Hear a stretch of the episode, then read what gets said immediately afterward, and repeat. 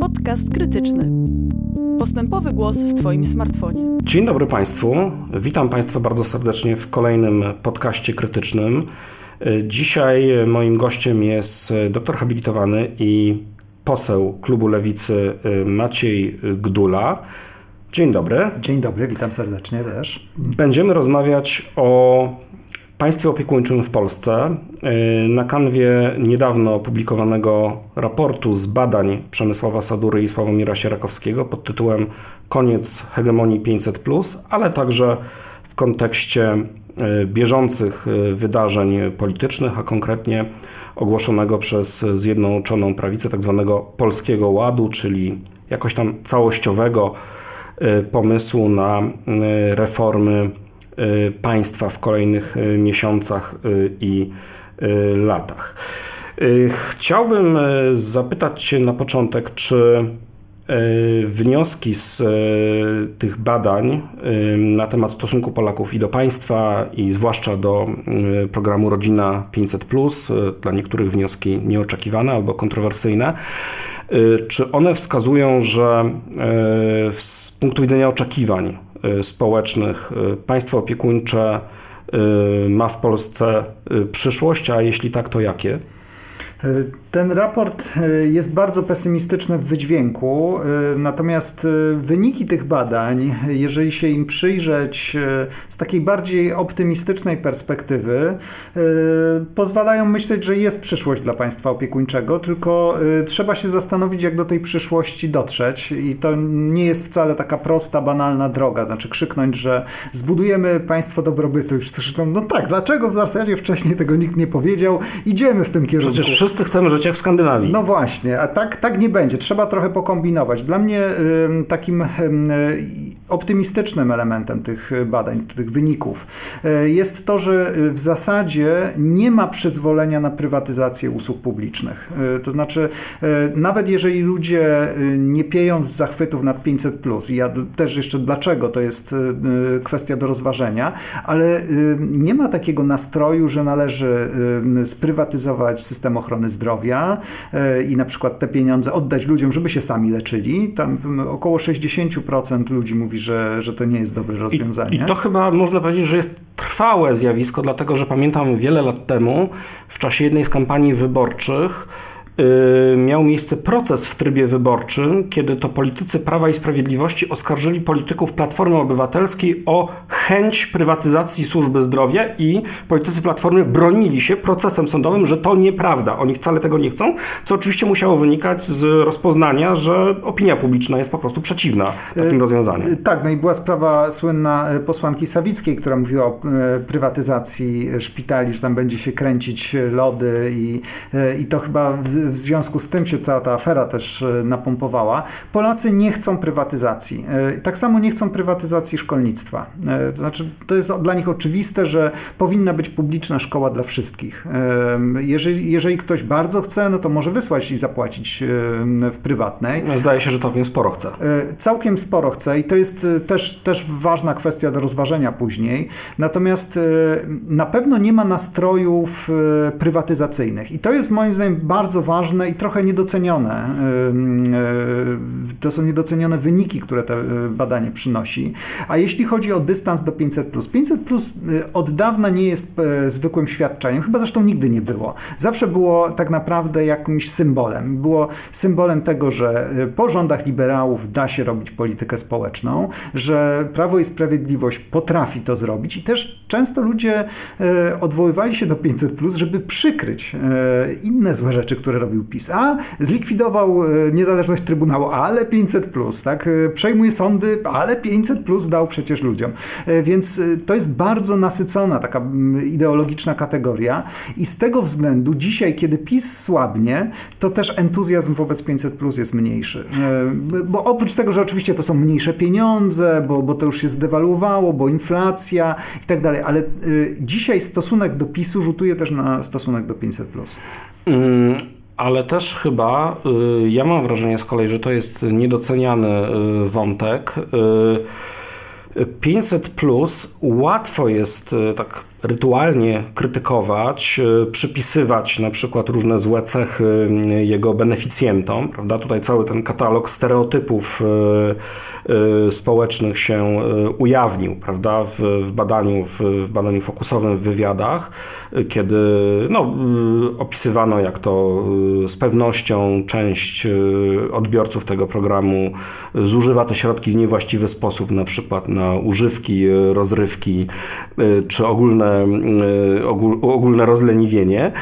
E, natomiast e, mam takie wrażenie, że taki przekaz jest łatwiejszy, czy wyrażenie takich poglądów i poprawienie sobie samopoczucia przez jedną klasę społeczną kosztem innej, jest dużo łatwiejsze w sytuacji, kiedy jesteśmy zarazem jako społeczeństwo, jako przynajmniej jego większość, przekonani, że nikt tego programu już nie odbierze. To znaczy, że to jest coś nienaruszalnego i wtedy można to bezpiecznie skrytykować. Natomiast gdyby pojawił się pomysł czy to y, zlikwidowania tego świadczenia, czy przynajmniej istotnego jego ograniczenia, no to wtedy jako projekt polityczny, jako coś, co by znowu stanęło na agendzie, no to wtedy być może znowu znaczenie polityczne tego programu by powróciło, to znaczy y, byłby to program znów mobilizujący, czy krótko mówiąc 500 plus mogłoby odzyskać tę swoją siłę mobilizującą na korzyść Prawa i Sprawiedliwości, prawda? To hasło zabiorą, prawda? Jak przyjdzie opozycja, to odbierze to, co my daliśmy.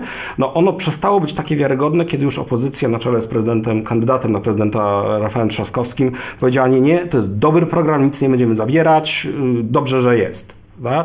No więc w sytuacji, gdyby temat wrócił, że ktoś jednak chciałby to zabrać, to być może i entuzjazm dla samego programu mógłby powrócić, gdyby to było coś, co, co może zostać odebrane, utracone. No myślę, że jedynym e, możliwym kierunkiem jest nie tyle zabieranie, co ograniczanie tego programu. E, I prawdopodobnie część e, polityków mogłaby się zdecydować na mówienie, że to powinien być okrojony program, który trafia tylko do uboższych, tak, czy do mniej zamożnych. I takie głosy się pojawiają, i ludzie tego przyjemnie słuchają, bo zawsze mówią, to oni są zamożni, no nie ja. To bardzo mocno wyszło dzisiaj w dyskusjach o Nowym Ładzie. To oni są, to, bo, bo bogaci to inni, to zawsze ktoś inny, nigdy, nigdy ja. I kiedy ludzie się dowiadują, że nagle sami są wśród, nie wiem, na przykład 10, 15% najlepiej zarabiających, to mówią, że to nieprawda. To nie, to nie może być prawda. Sprawdzają i jednak kurczę, rzeczywiście 75% ludzi zarabia mniej niż ja. A no to nie, no to nie można zabierać. Więc to jest taka bardzo y, dyskusja, która y, jest bardzo teoretyczna na dzisiaj. Y, ja się boję ograniczania programu 500 plus z jednego powodu. Jak się zacznie go ograniczać, to to będzie znowu powrót do sytuacji, w której powiemy, no tak, państwo to jest od tego, żeby pomagać tym, którzy sobie nie radzą. Mm. A tak naprawdę cała reszta powinna sobie radzić bez państwa, na rynku, bezwzględnie, konkurencyjnie. Ile sobie wyszarpią tymi zębami, to mają. I no ja rozumiem, jest... że zacznie się stygmatyzacja też, tak, beneficjentów, czyli to, czego jednak nie było, zwłaszcza od momentu, kiedy ten program stał się uniwersalny, czyli obowiązywał, przy, przysługiwał na każde dziecko. Tak, a za stygmatyzacją idzie pełna likwidacja. No też pamiętamy, co się działo 20 y, lat temu z różnymi programami społecznymi, na przykład dotacjami y, do barów mlecznych. Nie? No, jak najpierw mówiono, no tak, no zostawmy te dotacje dla tych, którzy nie dojadają, bo, bo ich nie stać, a później nagle ciach, po co nam to, to niech sobie ludzie radzą, nie będziemy dokładać do darmozjadów, więc tutaj trzeba bardzo ostrożnie.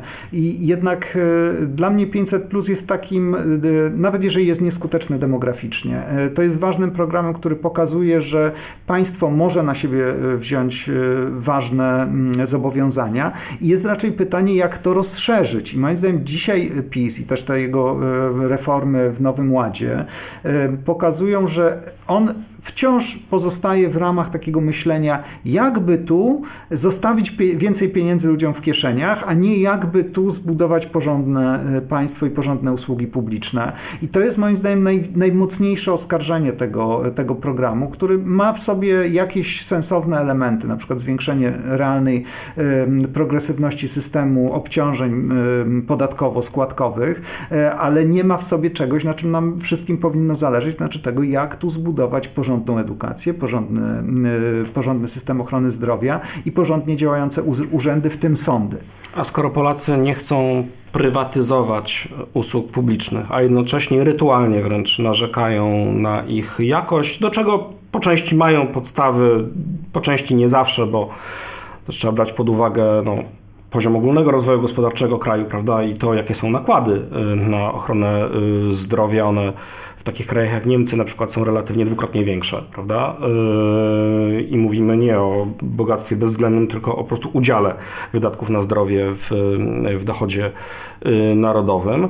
No niemniej ustaliliśmy, że Polacy i Polki nie chcą prywatyzacji ochrony zdrowia czy Twoim zdaniem byliby gotowi na jakieś istotne, czy to też wynika z tych badań, na jakieś istotne zwiększenie jego finansowania, no także kosztem, tak, zwiększenia składki, podwyższenia podatków?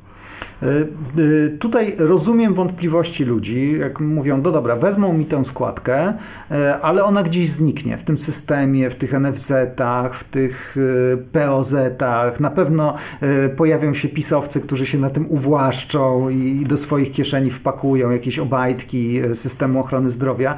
I to jest rzeczywiście coś, na co każdy, kto myśli w ogóle poważnie, sensownie o reformie, musi zwrócić uwagę. Więc po pierwsze, ludzie muszą zobaczyć, y, gdzie te pieniądze trafią i co się polepszy.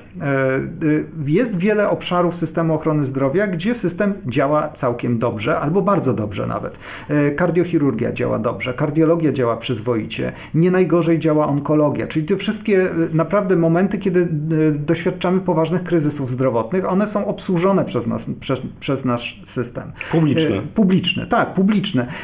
To jest też coś, z czego ludzie sobie nie zdają w ogóle sprawy. Myślą, że nie wiem, zawał to jest e, koszt podobny jak wizyta u kosmetyczki, tylko że, że jakby, jakby to było lepiej zorganizowane, to by było tańsze. Otóż nie byłoby. No to są zabiegi e, po kilkadziesiąt tysięcy złotych, nie mówiąc o terapiach onkologicznych, które e, idą często w kilkaset tysięcy złotych. No ludzie nie zdają sobie sprawy, że nie to, że musieliby sprzedać dom i, i, i się leczyć za te pieniądze, tylko nie starczyłoby im, jakby sprzedali swój dom czy mieszkanie, bo, bo to są droższe terapie a dostają je od, od państwa czy od systemu ubezpieczeniowego y, za, za darmo. Więc y, to jest, to jest rzecz, którą, nad którą też trzeba pracować, mówić ludziom, ile rzeczy kosztują i jak dużo w jakimś sensie dostają oni, ich bliscy, ich dzieci. Y, teraz to jest też dobry moment, żeby mówić o tym, że dostali szczepionki za darmo. No, można sobie wyobrazić, jakby wyglądała, jakby wyglądała ta dżungla, kiedy ludzie sobie wyrywają, przepłacają za Y, za szczepionki, gdyby one były na rynku. Nie wyobraźmy sobie te, te kolejki, y, te, te ceny na początku, y, to poczucie, że bogaci dostają, a my umieramy. No, no, no teraz mają za darmo i dużo nie chce się szczepić. Tak, ale mamy. Bo mamy dużo niższy poziom tych, w porównaniu z krajami zachodniej Europy, mimo tego, że te ruchy antyszczepionkowe na przykład były, wydawało się dużo bardziej y, widoczne, no, przekształcały się nawet w coś w rodzaju ruchu politycznego, jak w Niemczech, prawda? A jednak okazało się, że procentowy udział tych, którzy chcą się zaszczepić, y, i no, oczekują, czy są wręcz sfrustrowani faktem, że muszą oczekiwać na szczepionkę, bo y, rok, rocznik po roczniku kolejne, kolejne grupy obywateli wyszczepiają się na przykład w, na poziomie 80%, co oczywiście wydłuża bardzo kolejkę. U nas kolejka jest krótka, y, terminy są stosunkowo bliskie, no tylko że to wynika z tego, że bardzo wielu z nas po prostu, część nie może z różnych powodów, część seniorów na przykład, ale bardzo wielu młodych, zwłaszcza ludzi, po prostu szczepić się nie chcę. To... Y, zobaczymy, jak to będzie za miesiąc, bo też dużo ludzi czekało, y, żeby nie, y, nie stać w kolejkach, nie jeździć poza miejsce zamieszkania. No byli tacy naprawdę prymusi szczepień, którzy jechali na drugą stronę Polski, żeby się zaszczepić, no ale też sporo ludzi chce się zaszczepić w swojej przychodni. Też myślę, że to jest kwestia trochę upływu czasu, trochę tego też, że, że zobaczymy, że to działa. I myślę, że więcej niż e, liczę na to, że jednak e, przynajmniej te 70% ludzi się zaszczepi. E, też niestety możliwy jest scenariusz, że ludzie będą się wstrzymywać do czwartej fali. To by było najgorsze. Tak? Będziemy mieli znowu mnóstwo zgonów, obciążony system ochrony zdrowia, zgony z innych powodów niż COVID. Ale liczę na to, że jak ludzie będą wiedzieli, możesz się zapisać jutro w Twojej przychodni, dostać szczepionkę, to się chętniej na to zdecydują. I, i to jest też w ogóle przykład, jeżeli ten, ten proces szczepień będzie sukcesem, będzie można dużo łatwiej powiedzieć, zobaczcie, czasem ten system działa. Zróbmy tak, żeby działał nie punktowo, tylko żeby działał, albo żeby działał w wielu więcej punktach, tak? Żeby na przykład pediatria była dużo lepiej dofinansowana, żeby nie było problemu z, z kadrą, z lekarzami, którzy idą na tę specjalizację. Musimy coś zrobić z pielęgniarkami, musimy im zapłacić. Pielęgniarki muszą zarabiać 6-7 tysięcy i wtedy znajdą się chętne do tego zawodu. Tak jak albo, nie wyjadą do, albo nie wyjadą albo, do Norwegii, jeśli już mają albo, Ale trzeba im zapłacić. Znaczy nie można się zgrywać i udawać, że, y, że one to robią, bo mają poczucie misji i lubią się opiekować ludźmi. Pewnie lubią, ale oprócz tego jeszcze trzeba, trzeba coś do garnka włożyć albo po prostu ch chcą żyć na dobrym poziomie. Tak? I y, jeżeli, y, jeżeli nie zapłacimy, to, to nie będziemy mieli młodych pielęgniarek, a potrzebujemy ich, żeby ten system się jakoś kręcił. Więc tu moim zdaniem jest szansa, żeby przez takie punktowe tematy pokazać ludziom, że system działa, i do, bo to dowodzi, że się da że to nie jest niemożliwe, że to nie jest czarna dziura, że to nie jest tak, że, że system generalnie publiczny nie będzie działał. Nie, już działa tutaj i będzie, powinien y, też działać, zacząć działać w innych miejscach. To jest je, jeden y, ze sposobów, y, ale on, on będzie działał w systemie ochrony zdrowia. Zupełnie inną strategię trzeba przyjąć moim zdaniem w edukacji.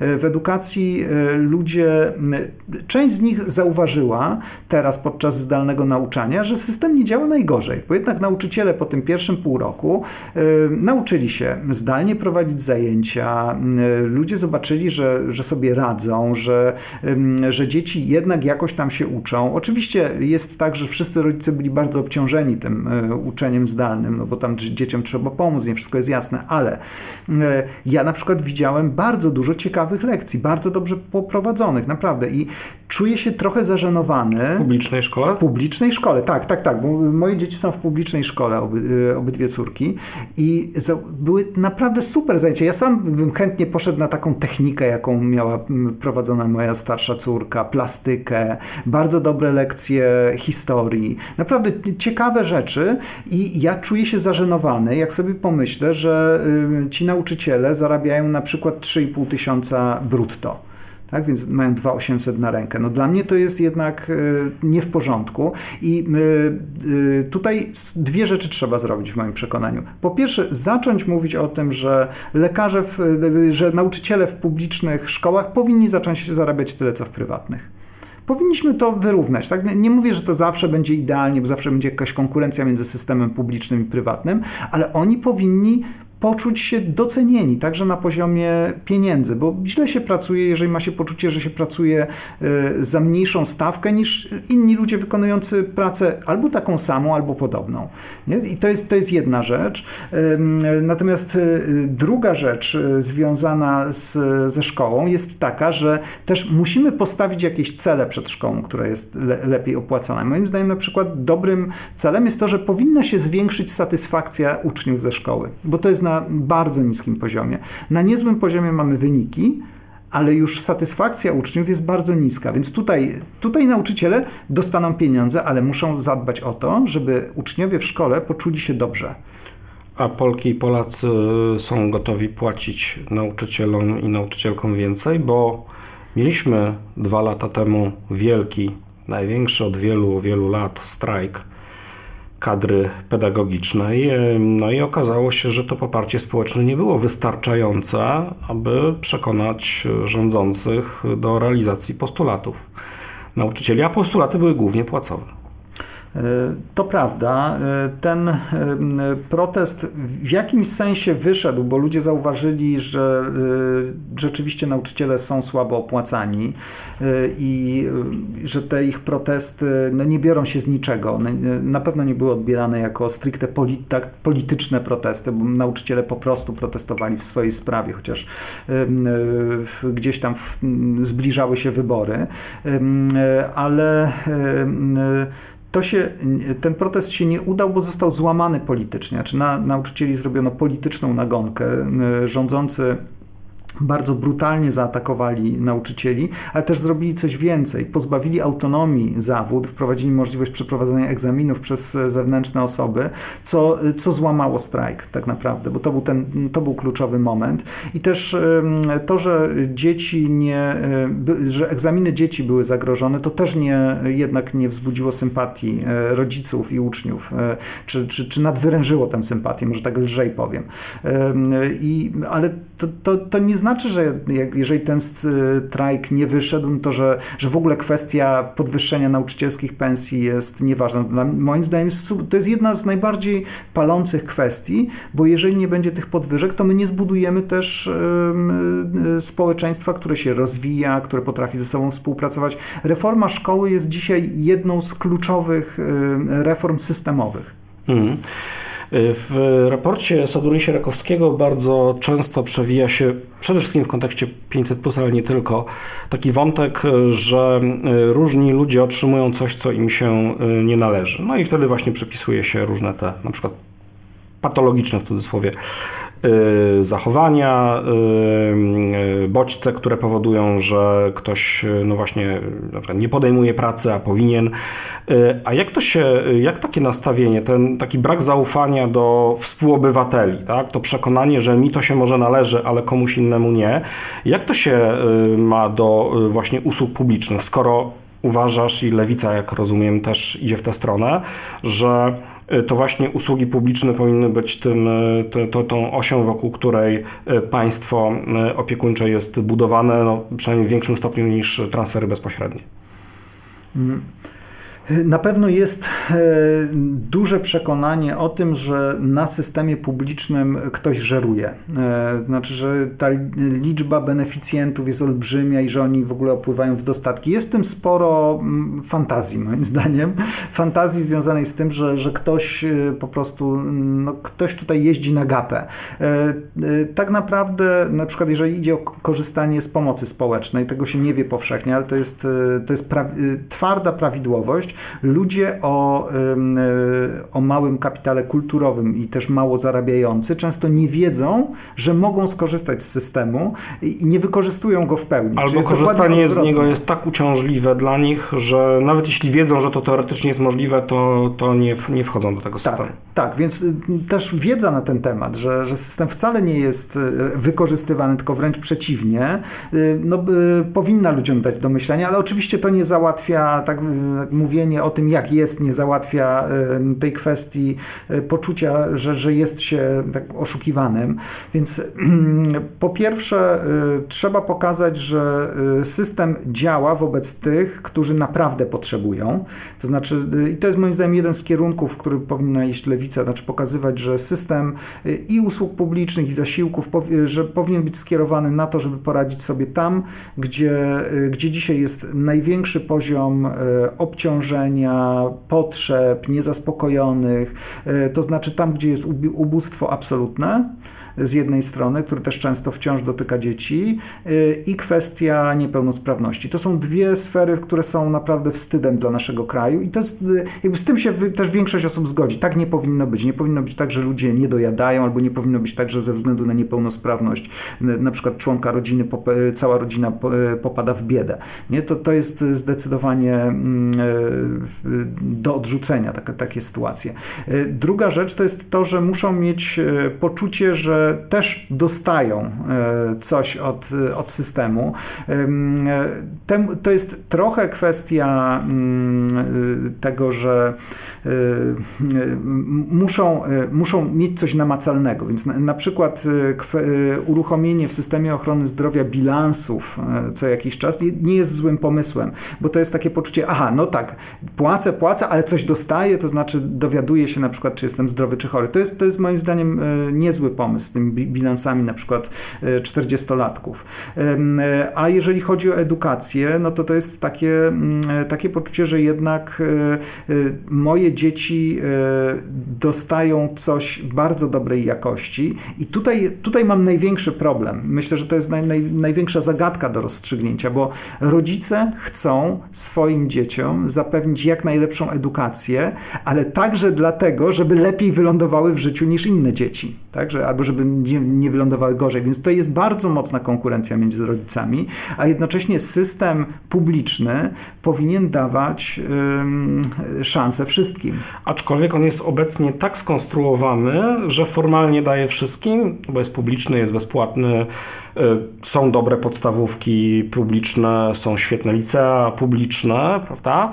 Y, no, niemniej y, wiemy z praktyki, że y, to jest taki system, w którym klasa średnia, osoby o wyższym kapitale kulturowym, ze względu na pewne sieci kontaktów, ze względu na zdolność prowadzenia rozmowy z nauczycielem, domagania się na przykład też pewnych rzeczy, prawda, od, od, od, od władz szkolnych czy bezpośrednio od nauczycieli, że klasa średnia po prostu odnajduje się w tym systemie lepiej, a z drugiej strony to wychodziło w wcześniejszych badaniach Przemysłowa Sadury, no, klasa ludowa czy osoby o, o niższym wykształceniu często y, i jako rodzice, i we własnej pamięci jako niegdyś uczniowie, no raczej mają złe doświadczenie szkoły, jako właśnie czegoś, jako takiego aparatu, który Yy, nieraz ich nawet poniża, yy, nie odpowiada na ich yy, potrzeby i właśnie jest takim światem skonstruowanym pod, pod klasę średnią czy pod inteligencję. Chociaż klasa średnia też ma swoje rachunki ze szkołą do wyrównania, no bo to jest na przykład przepełnienie programów e, zbędnymi informacjami, nuda lekcji. To też nie jest tak, że, że to jest idealny świat dla klasy średniej. Każdy ma e, trochę z, z innych względów na pieńku ze szkołą, ale jak się zastanawiam nad tym, jak można przekonać klasę średnią do, do tego, żeby zainwestować w publiczną szkołę, to jest to dla mnie naj, takim najsensow, taką najsensowniejszą ścieżką jest pokazanie, że jeżeli szkoła będzie działać lepiej, E, to mniej pracy będą musieli włożyć w swoje dzieci rodzice. Bo dzisiaj jest tak, że bardzo duża część e, nauki w szkole, tak, przygotowania do klasówek, do, mm, e, do sprawdzianów, do egzaminów, to, to jest koszt rodziców. I to podwójny, bo to są korepetycje, ale drugi koszt to, są, to jest czas, a ten czas jest dzisiaj bardzo cennym zasobem dla klasy średniej, więc dobrze działająca szkoła to więcej czasu, który będzie można spędzić z dziećmi na czymś innym niż nauce. A, a to, jest, y, mm, to jest naprawdę duża część budżetów czasowych gospodarstw domowych klasy średniej idzie właśnie na to. Więc y, myślę, że to jest coś, co mm, pewna, tak powiem, zysk y, jasny, wyraźny, namacalny, który można pokazać klasie średniej i przekonać ją do, do publicznego systemu. A Polski Ład przybliża nas do takiego państwa opiekuńczego, jakiego by sobie lewica życzyła, czy go nas od niego oddala. Myślę, że go e, oddala w tym sensie, że jest bardzo mało obietnic, które pokazują, jak e, tak, że, że, usługi publiczne będą zreformowane. Raczej jest ta logika, zostawimy więcej pieniędzy w portfelu, ludzie się ucieszą i jakoś sobie poradzą. Także być może po prostu szukając szkół na przykład prywatnych albo prywatnie e, korzystając z wizyt u lekarzy. Myślę, że to jest, to jest fatalne. Natomiast jest też, jest jakby jedna rzecz to to, jak ten ład rzeczywiście funkcjonuje funkcjonuje, jakim jest pomysłem na urządzanie Polski, a druga sprawa to są dyskusje, które się wokół niego toczą. To są moim zdaniem dwie zupełnie różne kwestie. Jest teraz dyskusja o w ogóle o progresywności systemu e, podatkowego. Moim zdaniem bardzo ciekawa, e, bardzo ostra, czasami histeryczna. Ja tego też osobiście doświadczam, bo bronię tej progresywności. E, jestem bardzo brutalnie atakowany przez liberałów i to przez i publicystów i, i tak powiedzmy lud liberalny, I oni bronią się rękami i nogami przed jakąkolwiek progresywnością, e, przed jakimkolwiek opodatkowaniem. Pokazują, że e, klasa średnia zostanie zabita, tylko przy czym klasa średnia to ludzie, którzy zarabiają powyżej 10 tysięcy brutto miesięcznie, więc to naprawdę nie są małe zarobki. To są zarobki mniej więcej 6-8% pracowników w Polsce, więc to jest tak naprawdę elita. Jest, jest jakaś histeria z tym związana. I ja się zastanawiam, jakie będą skutki tego. Moim zdaniem mogą być dobre, bo, bo zacznie się mówić w ogóle o pieniądzach, o różnicach dochodowych. Zacznie się mówić o tym, kto powinien być bardziej obciążony, a kto mniej. I że z tej histerii e, zrodzi się jakaś rozsądna debata na temat e, w ogóle poziomu obciążenia i nakładów po prostu na, na to, co wspólne. Że, że jednak wyjdziemy z tego wzmocnieni jako wspólnota z takim przekonaniem, że jednak no, rzeczywiście, e, jeżeli chcemy mieć dobrą ochronę zdrowia albo dobrą szkołę, no to nie da się za to nie zapłacić. A skoro Polski Ład niekoniecznie nas przybliża do y, takiego państwa, jakiego życzyłaby sobie lewica, nie, do, nie przybliża do takiego, jakiego życzyliby sobie też pewnie autorzy raportu Koniec hegemonii 500, y, to czy lewica zagłosuje za rozwiązaniami, które Prawo i Sprawiedliwość i jego koalicjanci y, proponują? No to, to nie będzie jakaś y, bardzo prosta odpowiedź, bo niestety jest tak, że w ustawach da się zaszyć coś zupełnie innego niż to, co się obiecywało, więc to jest kwestia tego, jak będą wyglądały tak naprawdę projekty ustaw, jak się w nie wczytamy, no to będziemy w stanie rozsądzić. Jak na razie, na przykład jakbym miał mówić za siebie jako szeregowego posła, no to wydaje mi się, że na przykład jeśli chodzi o kwestie związane z, ze składkami i z rozłożeniem obciążeń, z zwiększeniem kwoty wolnej, no to to mi się podoba. E, ale e, ostatecznie muszę zobaczyć e, ustawę, żeby wiedzieć na przykład, czy tam nie ma propozycji, która tak naprawdę uderzy w klasę średnią, realną polską, to znaczy ludzi zarabiających pomiędzy 6 a, a 10 tysięcy. No, czegoś takiego nie wyobrażam sobie poprzeć. Dziękuję bardzo. To była rozmowa z Maciejem Gdulą, posłem Lewicy i socjologiem na kanwie raportu Przemysława Sadury i Sławomira Sierakowskiego pod tytułem Koniec hegemonii 500. Badanie i raport przygotowaliśmy w krytyce politycznej przy współpracy i wsparciu Fundacji imienia Friedricha Eberta. Będziemy o raporcie y, dyskutować y, z kolejnymi ekspertami, będziemy dyskutować z politykami i zapraszam Państwa na y, kolejne podcasty i na kolejne debaty. Dziękuję bardzo i do usłyszenia. Dziękuję uprzejmie, pozdrawiam Państwa.